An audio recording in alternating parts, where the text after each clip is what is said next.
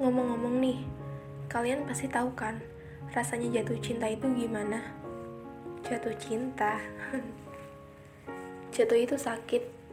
Tapi kalau jatuh cinta banyak banget rasanya.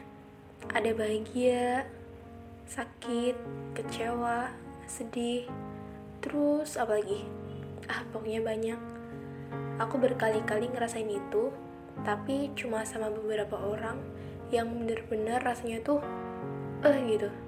Aku nggak tahu kalian ngerasain ini juga atau enggak tapi tuh setiap si doi ini kayak tiba-tiba ngegombal atau sekedar ngungkapin apa yang bikin kita kegirangan biasanya langsung nyut gitu di hati. Kayak ada yang nusuk tapi tuh perasaan bahagia semacam nyesek gitu tapi tuh bikin lagi. Ah gimana sih?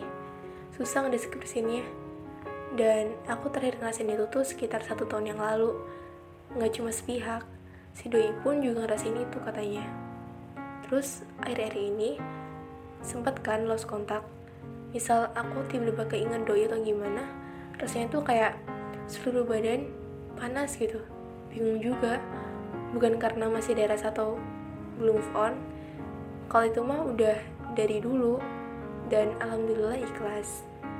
Ikhlas ya sekarang semisal pun ada nih cowok yang mau ngedeketin aku sebisa mungkin aku tuh berusaha ngontrol perasaan aku supaya nggak terlanjur baper atau gimana kalau misalnya emang si cowok bakal PHP doang.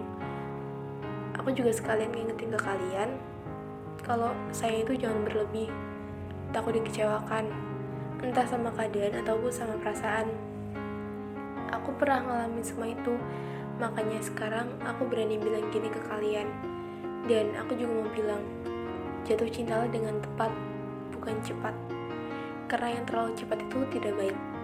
Aku sempat juga soalnya pengen banget gitu ada doi karena iri lihat orang-orang di sosmed dan juga ngeliat, ngeliat saudara-saudaraku juga udah berdoi tapi aku kembali lagi disadarin sama orang baik kalau kamu pengen punya doi karena iri lihat mereka lebih baik gak usah karena itu cuma nafsu kamu aja.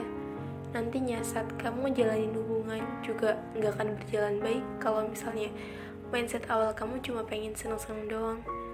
Jadi teman-teman yang sekarang masih berada di dalam status kejombloannya nggak usah takut nantinya bakal dipandang jelek atau gimana. Toh semuanya bakal kembali ke pribadi masing-masing. Pokoknya gitu sini dulu ya teman-teman podcast aku kali ini. Sampai jumpa lagi di podcast aku selanjutnya. Bye